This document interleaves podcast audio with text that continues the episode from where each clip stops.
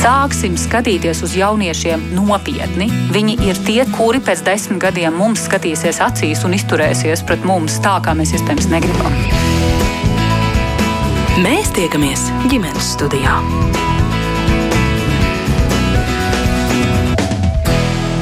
Labdien, klausītāji!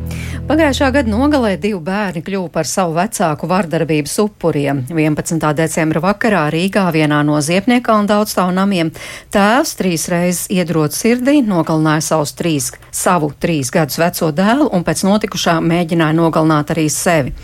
Savukārt pagājušā gada pēdējā dienā Liepājā kādā karos rajona dzīvoklī bez dzīvības pazīmēm tika atrasts divus gadus vecs zēns ar zilumiem uz ķermeņa.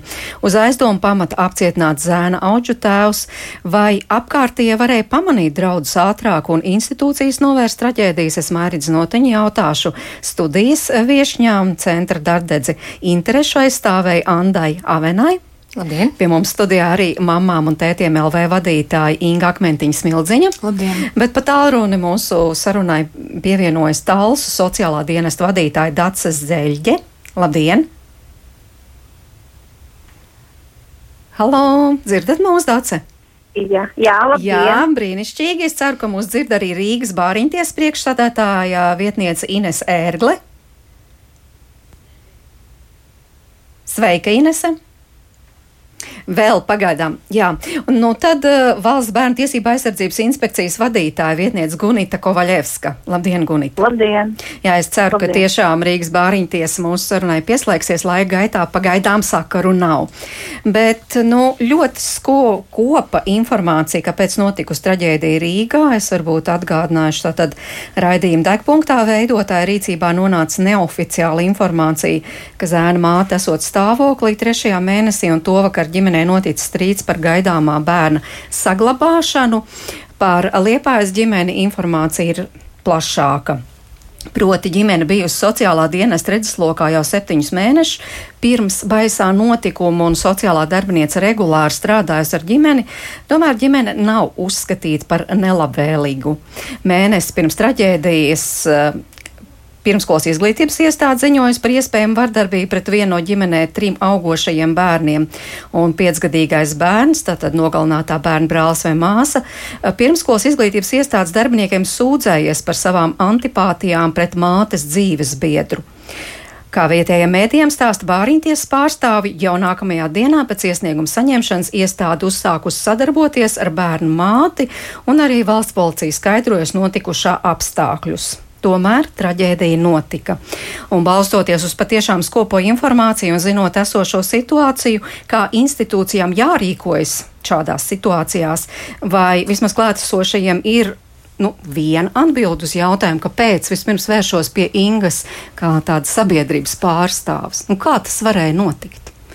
Nu, diemžēl mums laika pa laikam notiek šādi gadījumi, ka mēs uzzinām jau pēc tam, ka ar bērnu kaut kas ir noticis. Un es atceros, ka arī māmām un tētiem dibināšanas pirmsākumos, kad mums jautāja komentēt gadījumu, ka no uh, cietuma ir izlaists uh, vīrietis uh, drīz pēc atbrīvošanas bija nogalinājis uh, zīdaini mājās.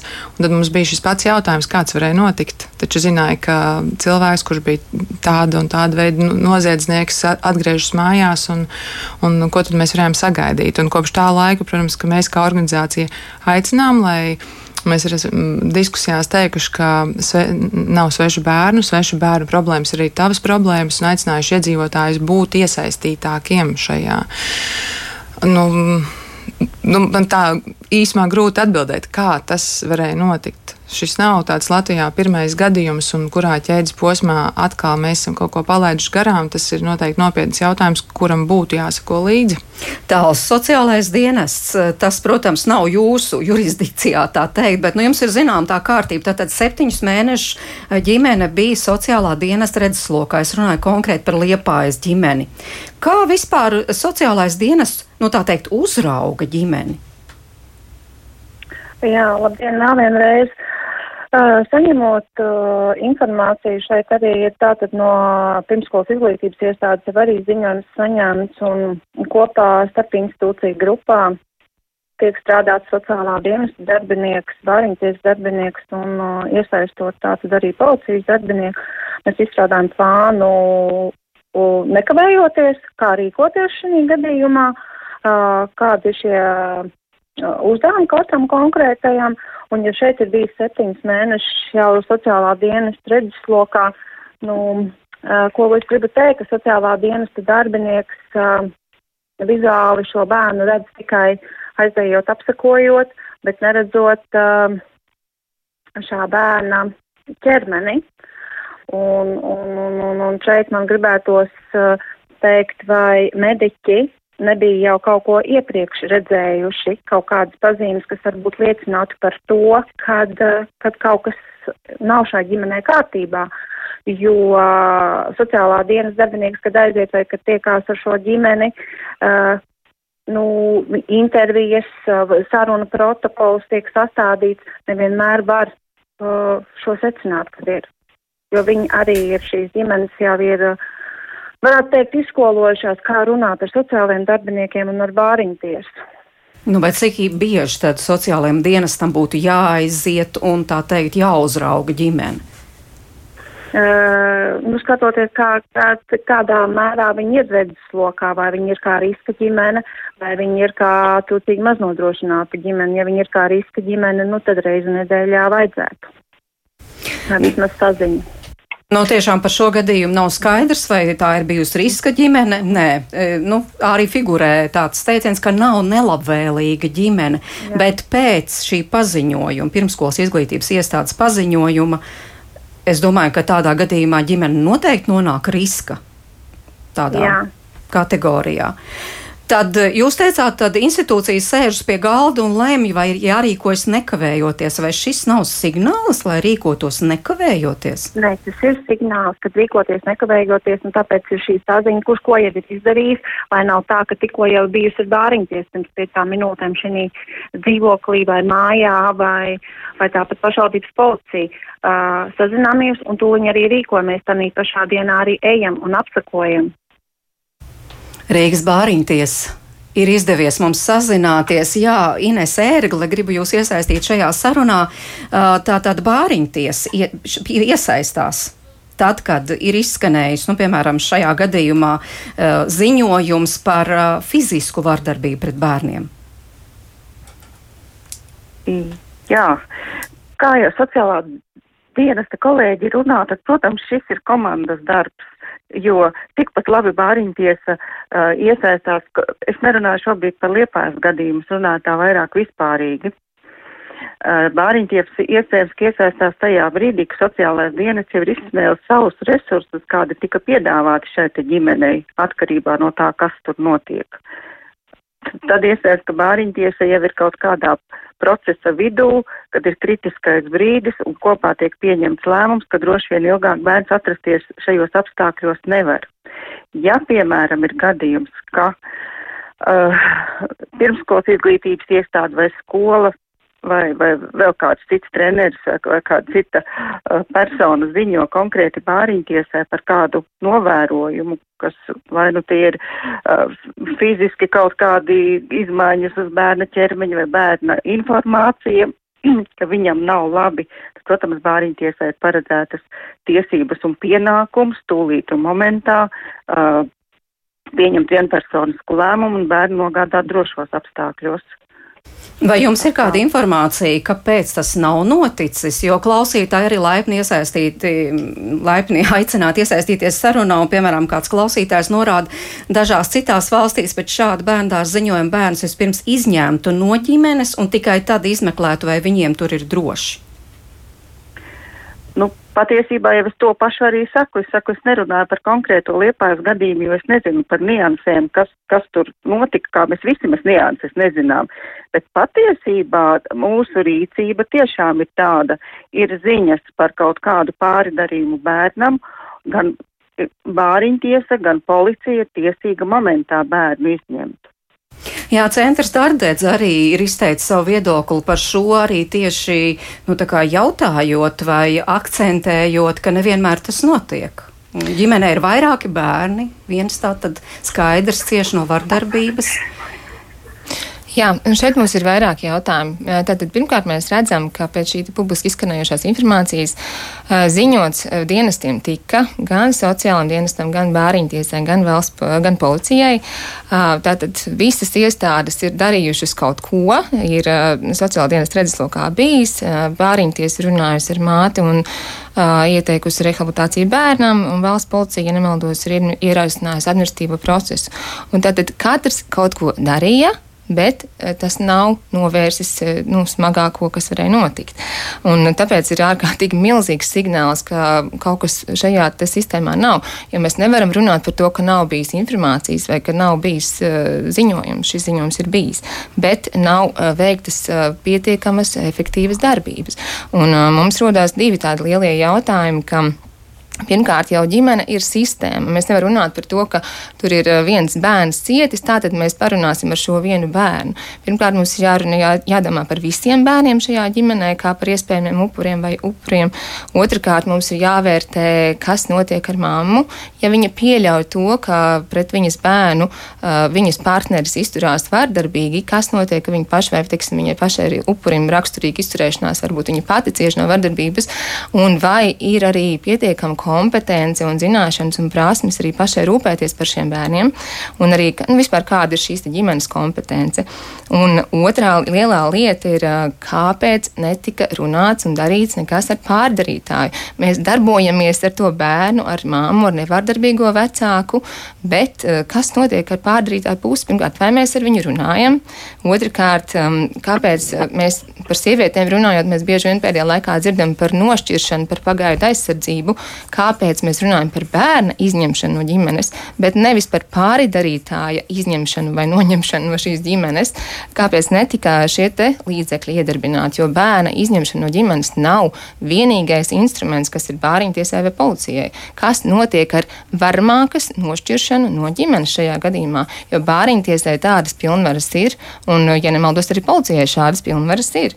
Un visbeidzot, tad arī mums ir varmāku kursi, ko šajā laikā var varmākam piešķirt piešķirt, eh, apmeklēt un tā tālāk.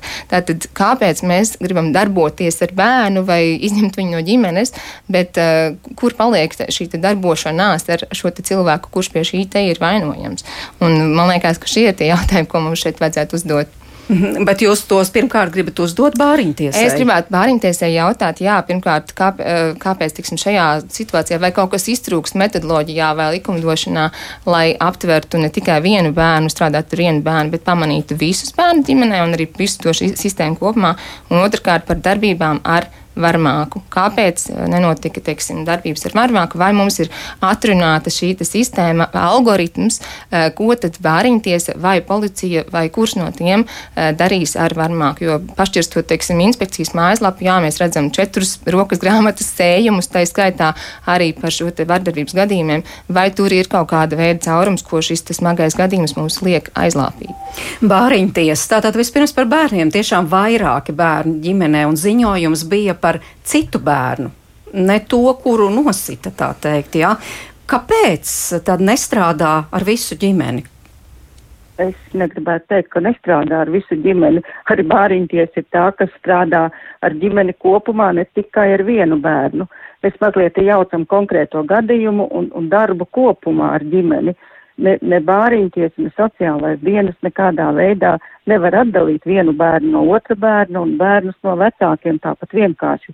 Skaidrs, ka tā ir vesela sistēma, skaidrs, ka tas viss ir savstarpēji miedarbojas, gan arī tās personas, kas, piemēram, nav vecāki, kas ir ienākuši ģimenē, tie ir gan, uh, gan uh, vecāki, pie kā dzīvo bērns jauni un, un um, mainošies dažkārt diezgan bieži partneri, tie ir gan uh, vecvecāki vai citi radinieki, kas kaut kādā veidā miedarbojas.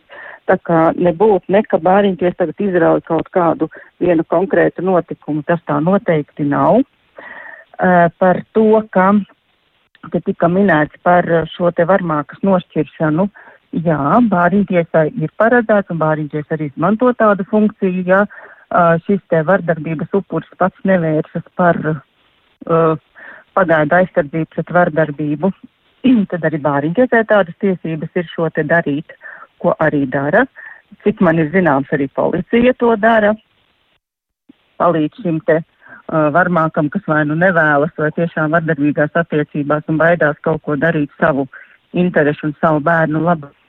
Tā kā šis mehānisms ir gan atrunāts, gan viņš arī praksē darbojas. Mm, par darbu ar um, varmāku. Nu, visdrīzāk, tad, kad notiek kādi pāri darījumi, tad ir um, darbs turpināts uh, valsts policijas krimināla procesa kādā ietvarā, jo tiklīdz notiek uh, vardarbība, tā ir bāriņtiesas ziņojums valsts policijai, kas strādā ar šo te pārdarītāju ģimeni. Nu, kā mēs redzam, jūs gan teicāt, protams, ir grūti izvērtēt visus gadījumus, bet šis konkrētais gadījums tomēr rāda, ka nenotiek tā, kā vajadzētu notikt. Jā, Anda no centra Dardedz. Es vēlējos vienkārši precizēt, jūs sakāt, ka šī sistēma ir sakārtota. Mēs redzam, ka tā tad ir gadījumi, ka tas nestrādā. Man ir jautājums, kas jūsuprāt būtu uzlabojams, vai patiešām nav nekas uzlabojams šajā metodoloģijā vai likumdošanā, lai nebūtu šādi te gadījumi, kad pirmkārt visi bērni nav tikti ņemti vērā un māte, un otrkārt pārdarītāji nekas netika runāts un nekas netika risināts, un policijā šis iesniegums arī bija. Bāriņties.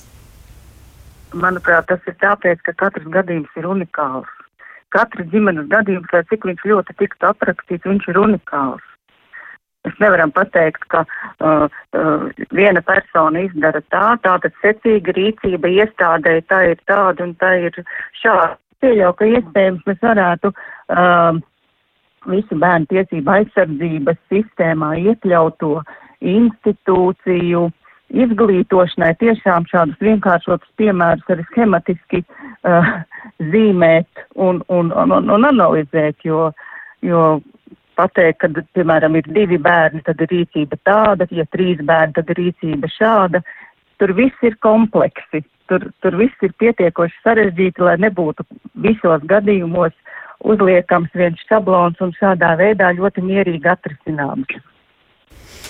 Talsu sociālais dienas piekrītat, ka nav tāda vienota šablona, tādu nevar uzlikt un tā teikt atrisināt visas situācijas. Mums vēl klausītāja Zaiga piebilst, neviena institūcija nespēja būt klāt brīdī, kad satrakojies dzērājs vai narkomāns uzbrūk vienam nu, bērnam, pieņemsim, kas ir tuvumā vai kādam citam ģimenes loceklim. Uh, jā, es piekrītu kolēģiem no Bāriņties, ka nav divu vienādu gadījumu, ka katrs gadījums ir atsevišķs un īpašs. Uh, no iepriekš, ko, ko Anda stāstīja par šo, kad šī nošķiršana un darbs ar varmākām uh, notiek, un arī mēs esam uh, kā dienas, tas šobrīd konkrēti nevar pateikt, kāpēc nav tā noticis Rīgā vai Liepājā, bet pie tā strādā kā dienests arī, kad nošķir šo varmāku vai nu ģimeni ar uh, sievieti ar bērniem mēs izolējam uh, no Barmākas, uh, pat esam veduši prom uz citu rajonu, lai uh, glābtu visu ģimeni. Tāpat ir ņemti bērni ārā pēc policijas ziņojuma vai pēc skolas ziņojuma, ka tiek uzrakstīts, ka ir uh, redzamas vardarbības pazīmes. Mēs esam veduši uz krīzes centra bērnus projām. Tā kā nu notiek šī, šī, šīs darbības. Nu jā, jo, Andai tikai te. Jā. Kas metodoloģijā ir uzlabojams, nu, ir ļoti grūti pateikt, jo nav divu vienādu, kā jau minēja, gan bāriņties, gan mēs to sakam, jo nevar uzzīmēt tādu schēmu, kā rīkoties.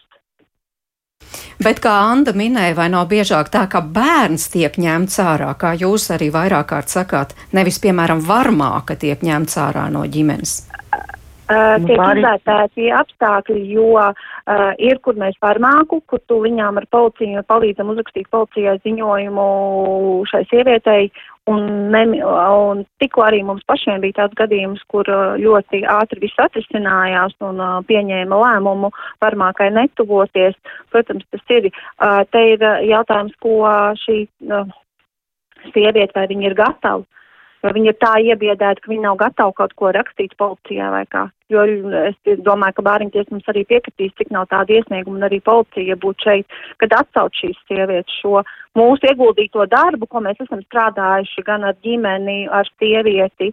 Uh, viņi vienā dienā pārdaugs trīpu, viņi atsauc iesniegumu. Jā, Inga, jā, jā man arī klausoties, man arī kāds pārdoms. Jā pārdomas diezgan smagas, bet man arī jautājums par to, vai un kā tiek pārbaudīta nu, šādos traģiskos gadījumos māmas līdzatbildība. Andi jau mazliet pieminēja, bet tieši māmas līdzatbildība. Un, ja viņa, piemēram, ir palikusi ar to vecāko bērnu mājās, vai viņa ir cilvēks, kurš ir acīm redzot noskatījies, noskatījies uz ilgstošu vardarbību pret bērnu. Bet kāpēc es to jautāju? Jo mums, kā vecāku organizācijai, Un arī kā mēdījam nākamajā dienā pēc šīs traģēdijas zvanīja kāda sieviete, kur uzdevās par mirušā bērna māti. Un, uh, viņa bija ļoti agresīvi noskaņota par to, ka mēs esam publicējuši šo policijas ziņojumu, kurā, nu jā, var izlasīt, nojaust, ka vainīgais ir viņas partneris. Viņa um, bija patiesi agresīvi noskaņota, ka mēs šo esam publicējuši. Un uh, tad man neradās iespējas, ka šī, nu, man, nu, pareizāk, nezinu, vai tā bija, protams, šī bērna māte, jo es telefoniski to nevaru nekādi konstatēt, bet, bet uh, tas tons bija ļoti agresīvs. Tas bija patiešām agresīvs un ne tāda, uh, neizklausās pēc nabadzītes, kur ir no visiem pārbijusies. Valsts, jā. jā, bet tas bija jautājums par to, vai un kā tiek pārbaudīta mammas līdzatbildība traģēdijā. Bāriņtiesai šī ir šis jautājums adresēts. kas ir jā, jā. pievienojušies. Jā, jo tūlīt iesaistīsim arī Valsts bērnu tiesību aizsardzības inspekciju Bāriņties. Par pārbaudi, faktu pārbaudīšanas un citas lietas tas droši vien būs jau uh, policijas uzdevums, bet Bāriņtiesas tajā brīdī uzdevums ir saprast, kā jūs teicāt, kāda ir šī personība, vai, vai viņa ir nu, bēdās sagrauts cilvēks, kas adekvāti rīkojas konkrētai situācijai, vai viņas atbilde ir nu, tāda, kā jūs stāstat, ja tā būtu mamma. Tas nozīmē, ka tā tad par bērnu ir atbildīga šajā gadījumā, nu, ja tie ir vecāki, un viens no vecākiem var darbīgs vienalga, ir abi vecāki atbildīgi. Ja tā ir bijusi mamma, kuras partneris ir pāri darītājs, tad simtprocentīgi par bērnu drošību ir bijusi atbildīga mamma, un tad ir jautājums, vai vai, ja nu, nav noticis letāls gadījums, tātad, ja bērns ir nokļuvis ārstniecības iestādē, un tad ir jautājums, bārīties ir tā, kas izvērtē, vai šī mamma adekvāti izprot bērna vajadzības un izprot konkrēto situāciju ģimenē, tātad, ja viņa to nesaprot, tātad aizgādības tiesības ir, nu, bāriņtiesas vērtēšanas objekts un kādi resursi tagad ir piesaistām, lai to mammu, teiksim, uh, viņai kaut ko iemācītu, viņai pastāstītu, cik tas laiks ir vajadzīgs, cik ilgi bērns tā tad nevar atgriezties vairāk šajā vidē, ja, ja ir bērns, kas vēl var atgriezties. Tas ir tāds atkal ļoti individuāls un ļoti pietiekoši darbietilpīgs un laikietilpīgs process. Jo ir pastāstīt sievietei, uh, ka nu, kādās vardarbīgās attiecībās vienalga kādās bērnam ir jābūt svarīgākajam un, un nevis partnerim vai vienalga, kas, kas tur to bērnu negatīvi ietekmē gan fiziski, gan emocionāli. Tad ir jautājums, cik šis otrs vecāks bērnu spēj aizstāvēt, nodrošināt primāri tās bērna vajadzības. Jā, nu tā kā šeit vairāk kārt izskanēja vārds, tiešām katrs gadījums ir jāvērtē individuāli, un uh, tad mūsu klausītāji arī jautā, vai, piemēram, šajā liepājas gadījumā tiek vērtēta bāriņtiesas atbildība, un ar šo jautājumu vēršos pie Gunītas Kovaļevskas no Valsts bērnu tiesību aizsardzības inspekcijas. Jā, lab, jā, labdien. Atbildot uz jautājumu, jāsaka, inspekcija ir izprasījusi bāriņtiesai lietas materiālus un šobrīd tiešām vērtējam no iesaistīto institūciju darbību, protams, arī bāriņtiesas rīcību konkrētajā gadījumā, bet šobrīd es nu, neesmu tiesīga nekādas detaļas paust, jo pārbauda vēl notiek. Um, tāpat, protams, uh, visticamāk arī labklājības ministrija vērtēs arī noteikti sociālā dienesta iesaistu un rīcību. Uh, tā kā uh, tas nekur nepazūd un, protams, uh, iestāžu atbildība tiks vērtēta, bet šeit droši vien, kad jārunā vairāk, uh, nu jau kompleks par tādiem, es gribētu teikt, diviem blokiem. Viens, protams, ir iestāžu savstarpēja sadarbība, saņemtās, nu tātad iegūtās informācijas uzticamība. Uh, nu tātad, ko es ar to gribu teikt, uh, mums ir sociālā dienas iesaiste, viņu novērojumi, riski, secinājumi, tad ir bāriņtiesa, kur ir viņa iesaisti, viņu novērojumi, arī viņu balstīšanās uz informāciju, ko viņi saņem no citas institūcijas. Tāpat iesaistās valsts policija arī uz saņemtās informācijas bāzes, un šī informācija nu, tādā starp institūciju apritē. Un te ir jāatzīst, ka, ka nevienmēr institūcijas, protams, ir tās, kuras nu, kā kaut ko nesaprot vai nezin. Nereti tā saņemtā informācija ir tieši tāda, kāda viņi ir. Ja mēs nezinām, kādas būs sekas, tad realitātē aiziet sociālais dienests un ir vārīties uz ģimeni, un, un tur viss ir labi visi runā jauki, nav novērojams nekādas pazīmes. Protams, kā to nevar apstāties, ja mums ir, pieņemsim, um, kādi fakti vai iespējami fakti par vardarbību no, no kaut vai šīs um, pirmskolas izglītības iestādes. Uh, darbam ir jāturpinās, bet uh, jāatzīst, ka, ka nevienmēr viss ir skaidri ieraugāms. Um, tā ir tā viena lieta. Uh, otra lieta, ko es gribētu teikt, ka nedrīkst aizmirst pašas, uh, pašu personu atbildību par to, ko viņi dara, līdz ar to nu, nevar aizmirst arī iespējamā vainīgā nodarījumu. Un, un šeit primāri visticamāk ir jādomā par to, par kādiem pieaugušajiem izaug mūsu bērni, kas ir cietuši vardarbībā vai kurus nepietiekami māca, kā rīkoties, vai, vai to, ka dzīvot vardarbībā ir nepieļaujami, kurus nemāca iecietībai, laipnībai un visām citām lietām. Un šeit visticamāk runājoties par pieaugušo atbildību un par pieaugušo izglītošanu, tā skaitā vecāku izglītošanu, es domāju, ka mums visiem ir gana daudz darba priekšā, lai mēs savus pieaugušos izglītotu tādējādi, ka, lai viņi saprastu, ka nu, vardarbība ir nepieņemama attiecībā ne pret bērnu, ne pret pieaugušo. Nu, eh, bet es teiktu, ka tas nav tikai metodiku jautājums, jo, protams, ka var, likumā jau ir ierakstīts, nu, Arens kundze pieminēja, ka, kad ir jābūt metodikām un schēmām, mums gan likums skaidri nosaka, gan arī metodikās, gan ne, bāriņtiesu metodikā, gan noteikti arī sociālo dienestu metodikā ir schēmas un rīcības modeļi, ko darīt, kur vērsties un kā reaģēt. Bet jautājums ir par um, arī par jau tādu lielu sākotnējo izpratni par to, kādā sabiedrībā mēs dzīvojam. Un, uh, un arī inspekcija veica pētījumu par, par vardarbības tolerēšanu un, diemžēl, ir tā, ka uh, mūsu sabiedrība ir ļoti toleranta pret vardarbību un ļoti toleranta pret vardarbību ģimenē.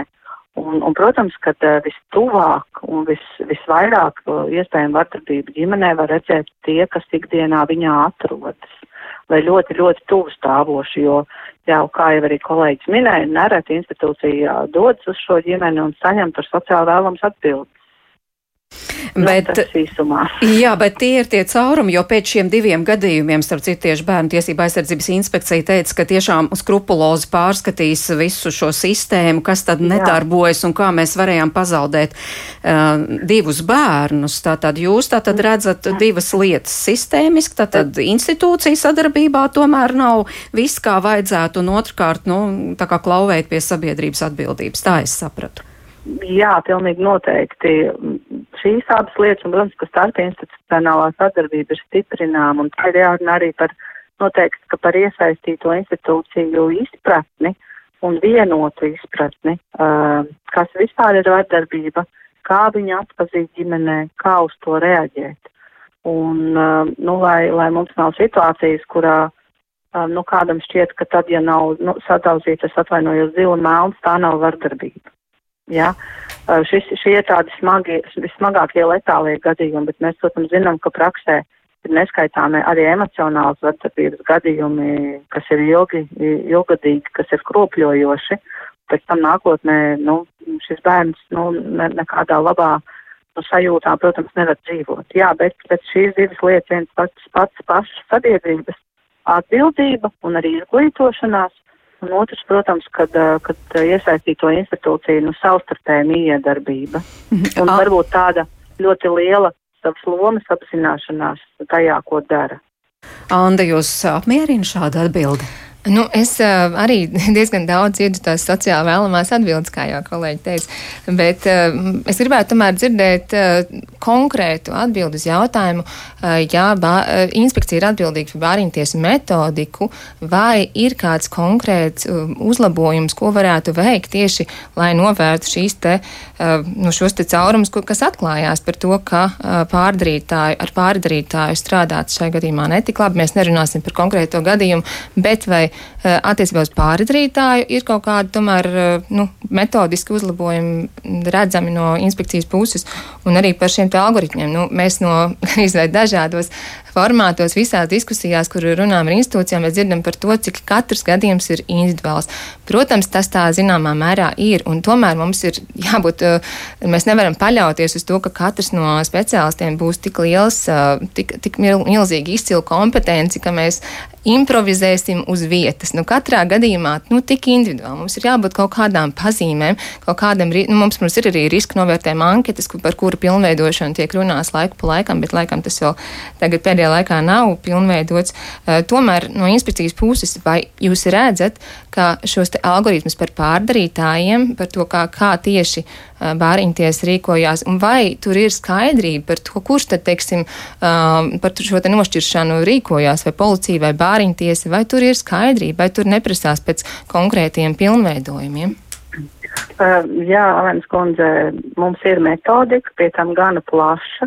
Atsevišķa nodaļa bāriņties rokas grāmatā par bēr, gan bērnu nošķiršanu no ģimenes vardarbības dēļ, gan arī par varmāku nošķiršanu. Tātad par tā, tiem gadījumiem, kad bār, kā bāriņtiesai gan saskaņā ar likumu, gan metodiku rīkoties, tad, ja, ja, ja bērns nav šķirams no ģimenes, nu, tad, lai nošķirtu varmāku.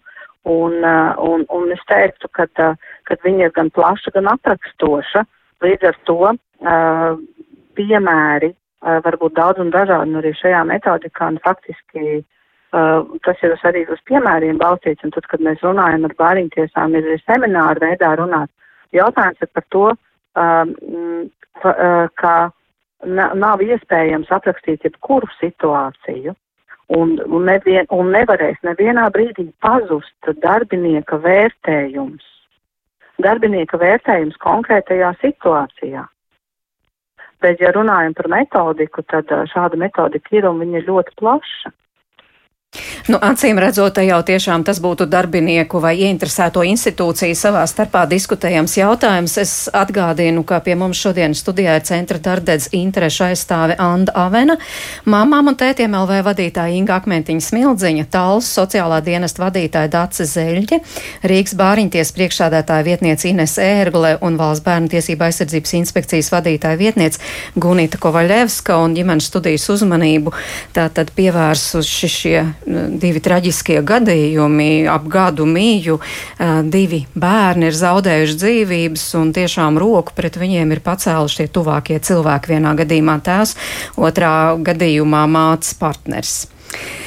Es gribu nolasīt dažus komentārus, ko mums Raksta klausītāja Ilva raksta, biju pati pirms 50 gadiem bērns upurs, kurš auga dzērāja tēvu ģimenē. Manā prātā ir tikai vainas apziņa pret māti, kura bija tik nespējīga glābt mūs no šīs situācijas. Turklāt padomu laikos pat deva dzīvokli atsevišķi no tēva, bet māte baidījās, nezinu, kāpēc.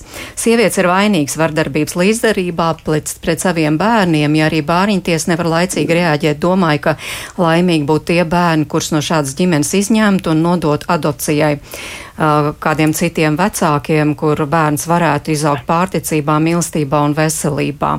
Inta mums raksta par to, ka pēc sieviete nepārtrauc attiecības ar varamāku ļoti bieži ir tā, ka sieviete ir materiāli atkarīga, viņš pelna naudu, dzīvoklis uz viņu vārdu, un tāpēc arī šādas destruktīvas attiecības turpinās, no kurām cieši arī bērni.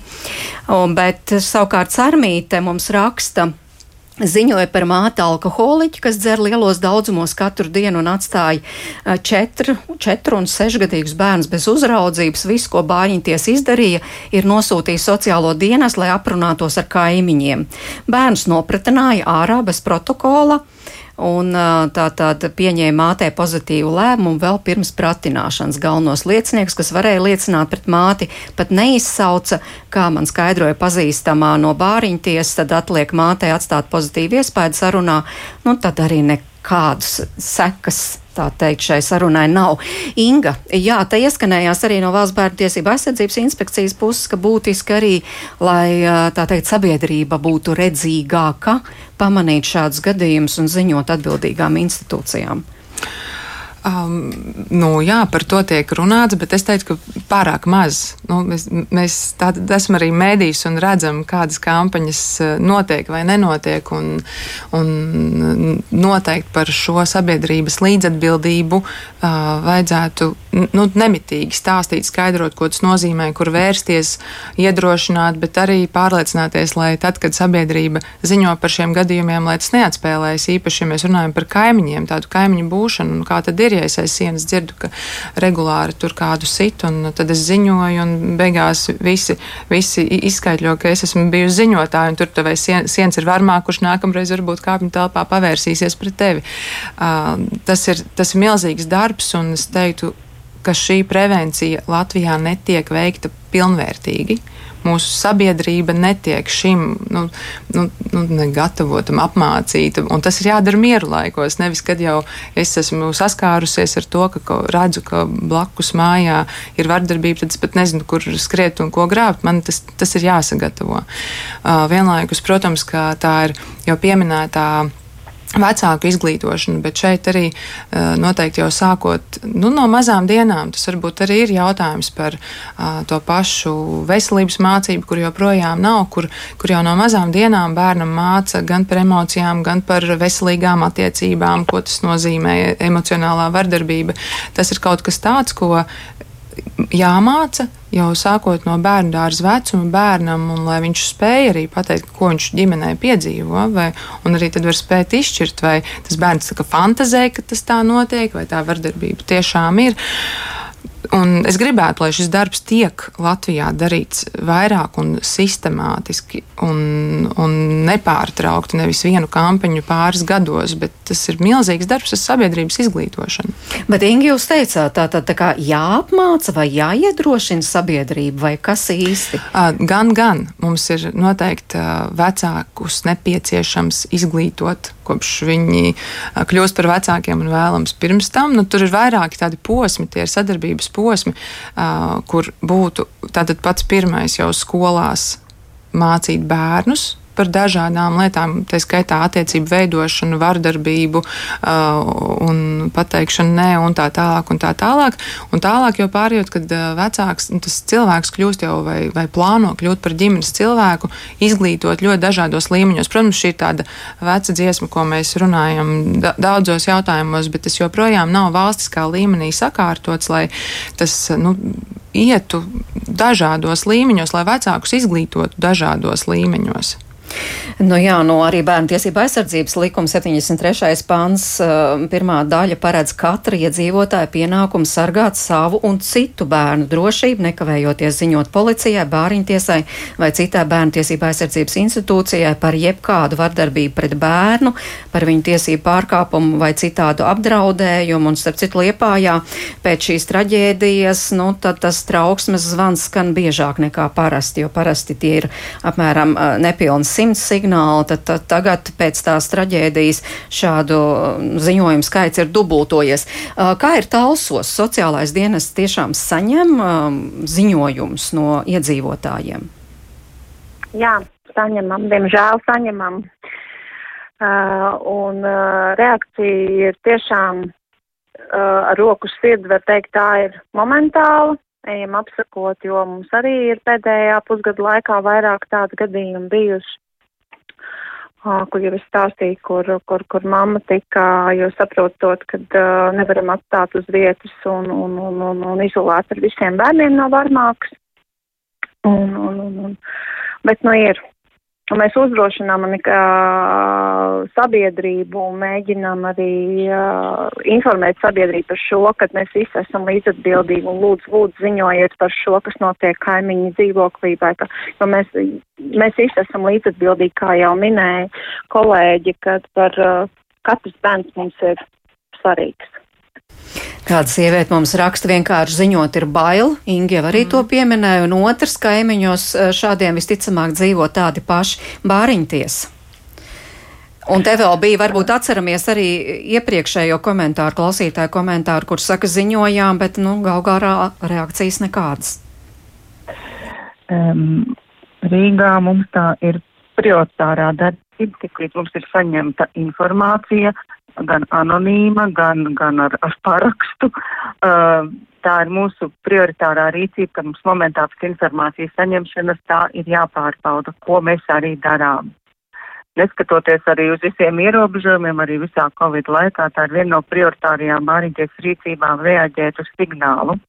Bet pozitīvais visā šajā negatīvajā, ko iepriekš runātāja teica, ka sabiedrība nevēlas, nav informēta, nesaprot, tad man kaut kā gribas domāt, ka visu šo gadu garumā man tomēr šķiet, ka sabiedrība ir palikusi atsaucīgāka ir palikusi izglītotāka, ja viņi zina, kur var uzrakstīt, kur var pazvanīt.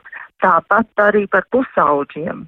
Mums ir vērojama tendence, ka īpaši pēdējā pusotra, divu gadu laikā pusauģi paši zinot, kur var vērsties, paši reaģē. Ja viņu, piemēram, vecāks, kas par viņu tajā brīdī ir atbildīgs, nekādā veidā šo situāciju nerisina, vai vecāks ir tas uh, varmāka, kas pret šo te pusaudzi arī neadekvāti rīkojas, tad pusauģis zilums ir, nu, manuprāt, pēdējos uh, gados tā tendence, ka pusauģi paši zina, kur Rīga atrodas krīzes centrs, un viņš pats aiziet. Viņš aiziet pats, viņš aiziet draugu, un mēs kopā strādājam ar to situāciju. Tā kā man šķiet, ka tā sabiedrība ir tapusi um, izglītotāka un atsaucīgāka. Nevis vienaldzīgi, ja tas ar mani nenotiek, tad tas mani neskar. Jā, nu vai šeit, ja mēs atgriežamies pie šīs stāsts, stāsts ir par maziem bērniem, divi, trīs gadi, kur nevar ne aiziet, ne pastāstīt. Jā, un, jā, vēl tā, jā. un vēl tā nians, ko mums klausītāji akcentēja, bet visticamāk kaimiņos dzīvo tādi, tādas pašas ģimenes. Mēs zinām, ir sociālās mājas, un varbūt tur tā tiek uzskatīta uzskatīt par normu, tā teikt, nu, pieņemsim tāda veida audzināšanu. Bet uh, sociālajās mājās jau sociālais dienas ir ļoti biežs viesis tā vai cita uh, gadījuma sakarā. Tā kā sociālā māja, uh, manuprāt, ir nu, tāda sakoncentrēta, bet vairāk pieskatīta vieta nekā tam, teiksim, nu, norm, nu, kā mēs varētu teikt, normālā situācijā, normālā mājā, it kā arī ārējā normālā ģimenē, bet kas notiek aiz slēgtām durvīm un aiz sienas, to, to patiešām varbūt dzird un, un jūt un redz tikai kaimiņi. Anda, jums arī tā šķiet, nu, no centra darbdedzes puses skatoties, ka šajā ziņā jau tā kā viss ir labi.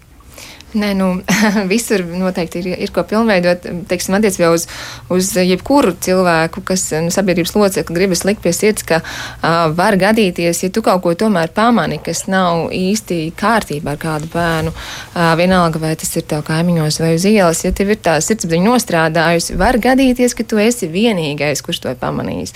Un tas nozīmē, ka ir ārkārtīgi būtiski, lai jebkurš cilvēks nu, nedomā, ka, ai, nu, varbūt kāds cits noziņos, varbūt cits kaimiņš, varbūt kāds cits tuvāks labāks cilvēks, varbūt tu esi vienīgais, kurš to pamana. Un, un droši vien, ka mums nevienam negribētos, lai mūsu sirdsapziņas gultos kāda dzīvība, vai arī tie visi bērni, kas nav tiks nonākuši līdz, līdz, līdz eh, slepkavības situācijai, bet kas tomēr ir smagi cieši un turpina ciest, jo nu, tās sekas nav tik smagas, bet gan seksuālā, gan emocionālā, gan fiziskā, gan arī pamešana novārtā ir ārkārtīgi, ārkārtīgi lielām sekām.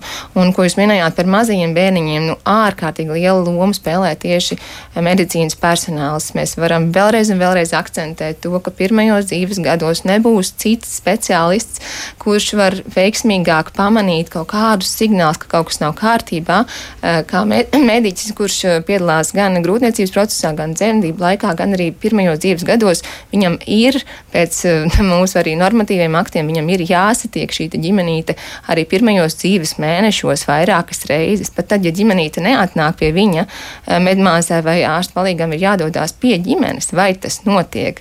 Tas ir mūsu lielais jautājums. Un, un ir ļoti, ļoti, ļoti svarīgi, ka mēs iedarbinām visus šos drošības punktus, un tad mums ir mazāka iespējamība, ka kāds šiem tīkliem izkritīs cauri.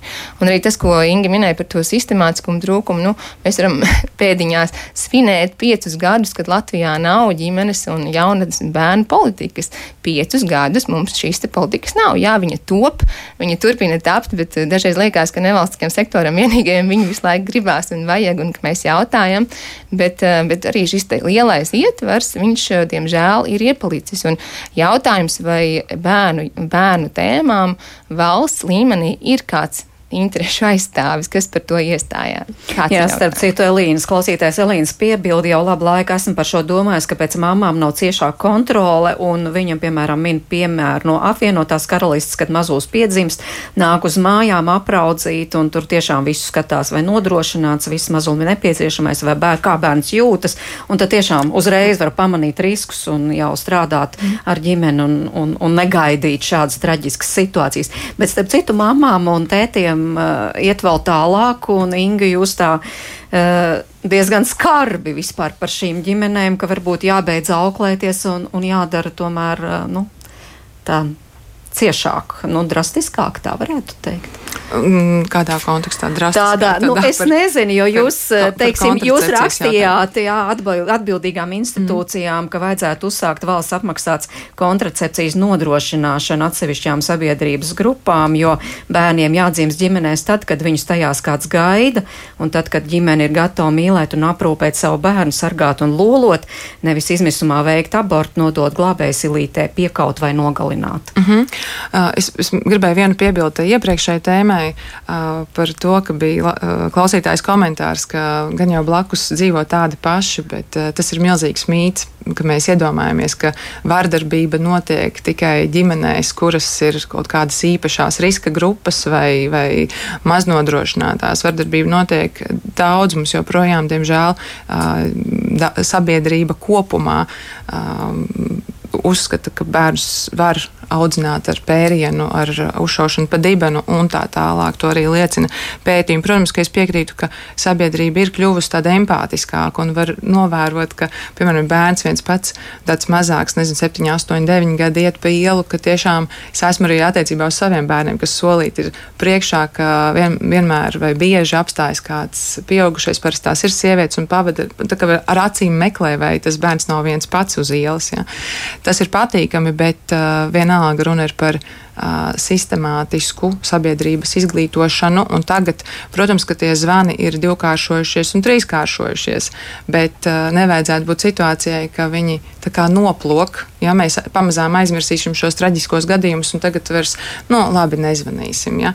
Tas ir darbs, ko, kur nedrīkst atslābt. Šī ir joma, kur mums kopīgi jāsargā bērni un kurā nedrīkst atslābt un nemitīgi ir jādomā par to, ko mēs varam šajā nozarē uzlabot.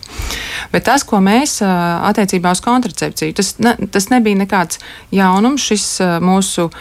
Tas pat nav mūsu rosinājums, tas ir atgādinājums par to, ka um, mācību un bērnu veselības plānā bija paredzēts tas jau bija paredzēts un jau apstiprināts, ka uh, atsevišķām sabiedrības grupām būs nodrošināta uh, kontracepcija, valsts apmaksāta kontracepcija. Uh, un, uh, lai, lai risinātu dažādus jautājumus. Un, uh, mēs arī 20. gadā, kas bija pēdējais gads, kurā bija jāievieš šī valsts apmaksātā kontracepcija atsevišķām sabiedrības grupām, uh, arī tad aicinājām arī veselības ministriju, kas uz šo tādu diskusiju, kāpēc tas vēl nav un kad jūs to plānojat un aktualizējām atkal jautājumus. Diemžēl netika ieviesta. Un, Tagad, izskanot šiem gadījumiem, mēs atkārtoti vaicājam par to, kāpēc šī valsts apmaksātā kontracepcija tā arī nav ieviesta, lai gan tā jau bija apstiprināta. Ja? Ka, kāpēc mēs esam apstājušies? Un mēs ar šo vēstuli gribējām aktualizēt, cik tas ir būtiski un kādas lietas šī prevencija spēja risināt. Un te man uzreiz gan jāsaka, kad mēs vispār šo tematu paceļam, bieži vien saka, kurš tad lietos tos prezervatīvus, mm -hmm. bet te nav runa par prezervatīviem un, un tur saka, mm, tur tagad dzērumā, reibumā vai vēl kaut kādā stāvoklī, kurš tad to, to izmantos. Te ir runa par to, ka iespēja saņemt paņemt kontracepciju savam dzīvesveidam, savam tai konkrētajai, lūk, individuālajai situācijai piemērot kontracepciju. Un, bet es uzreiz tā varbūt akcentēšu tos galvenos punktus, jo nav runa tikai par nu, bērniem, kas, ko, ko mēs iespējams būtu izglābuši, bet viens ir tas, ka pieaug abortu skaits pusaudzēm. Tas Latvijā patiesi pieaug, un uzreiz ilustratīvi 19. gadā bija 55 aborti, un uh, meitenēm līdz 18 gadiem 20. gadā 81. Tātad viņi nopietni pieaug. Vai, piemēram, um, ik gadu vairāk nekā simts bērnu piedzimst nepilngadīgām mhm. meitenēm. Jā, tā, tā, jā? jā, mēs par šo runāsim. Jā. Tiešām pēc jūsu iniciatīvas arī ģimenes studija ir nolēmusi plašāk par šo kontracepcijas, mm. bezmaksas kontracepcijas jautājumu runāt, bet šajā kontekstā tieši, jo, piemēram, Luīza raksta nelabvēlīgās ģimenēs, kur notika arī traģēdijas, ir pie kājas izsargāšanās par vai bezmaksas. Bērns dzemdē arī, lai pabalstus dabūtu un tikai piespiedu sterilizāciju pasargātu pasargās no bērnu piedzimšanas noteiktās cilvēku grupās. Jā, bet te rodas jautājums par diskrimināciju. Nē, te, te, te nevar to. Tas, ka dzimst bērnu pabalstu dēļ, tas ir arī jau vecs mīts, un to arī dati apliecina. Un, uh, tas tā īsti nav. Bet uh, ik viens cilvēks, ja ar viņu speciālists izskaidro, nu, piemēram, ja uz dzemdību iestādi atnāk mamma piedzemdēt savu 5, 6, 7 bērnu, uzrakst iesniegumu, ka viņi viņu vairs nevēlas, tad šiem dzemdību namu speciālistiem dot iespēju izstāstīt un piedāvāt konkrētajai sievietei, konkrētajai situācijai piemērotu kontracepcijas veidu, nesūtot viņu uz savu pašvaldību rakstīt iesniegumu, bet uzreiz piedāvāt šo te kontracepcijas atbalsta veidu. Un es vēl piebildīšu, tas nav nekas unikāls. Nes, daudzas Eiropas valstis šo jau nodrošina dažādām savām sabiedrības grupām. Jā, un iespējams tas varētu būt arī sociālā dienesta redzes lokā. Mums sarunā jāliek punkts, tāpēc jautāju valsts bērnu tiesība aizsardzības inspekcijas vadītāja vietniecei Gunītai Kovaļieskai, bet tā tad, nu, jūsu prāt, kas tad ir vēl tie akūti sakārtojamie jautājumi? Tomēr. Uh, Jā, kontekstā ar to, lai, lai, lai mazinātu, protams, jebkādus gan nelaimes gadījumus, gan, gan šādus noziedzīgus nodarījumus, nu skaidrs, ka mēs visi labi zinām, ka, ka prevencija ir tā, kura ir vispēcīga gan drīzāk, bet, protams, nevienmēr. Bet stingri, nu, tā kā es tomēr palieku pie viedokļa, ka, ka izglītošana uh, Un tā tad ļoti, ļoti regulāra un sistemātiska izglītošana iespējams var vismaz samazināt šādu gadījumu skaitu, jo mēs ļoti labi šeit apzināmies, ka simtprocentīgi neviens nevienu nevarēs izglābt, diemžēl, bet tā ir. Bet, bet lai mēs samazinātu šo skaitu, lai samazinātu arī nu, bērnu skaitu, kuri, kuri cieši vai dzīvo vecākās ģimenēs, Tad, tad tas viens ir izglītīšana, un otrs ir sabiedrības modrība, kas jau šeit tā kā tika plaši izstrādāts, un es tikai pievienojos tam, ka ir jābūt uh, gan um, atsaucīgiem un gan modriem un jāizmanto tie zināmie kanāli, pa kuriem jā. ziņot. Jā. Bet, bet arī, protams, starp institūciju sadarbība ir tā, un tā, tā nav tikai inspekcijas viedoklis, bet arī, es domāju, arī daudz iesaistīto pušu viedoklis, ka mums biežāk un vairāk ir um, jā, jārunā par situācijām, jāapsēž un jāziņo konkrēti gadījumi.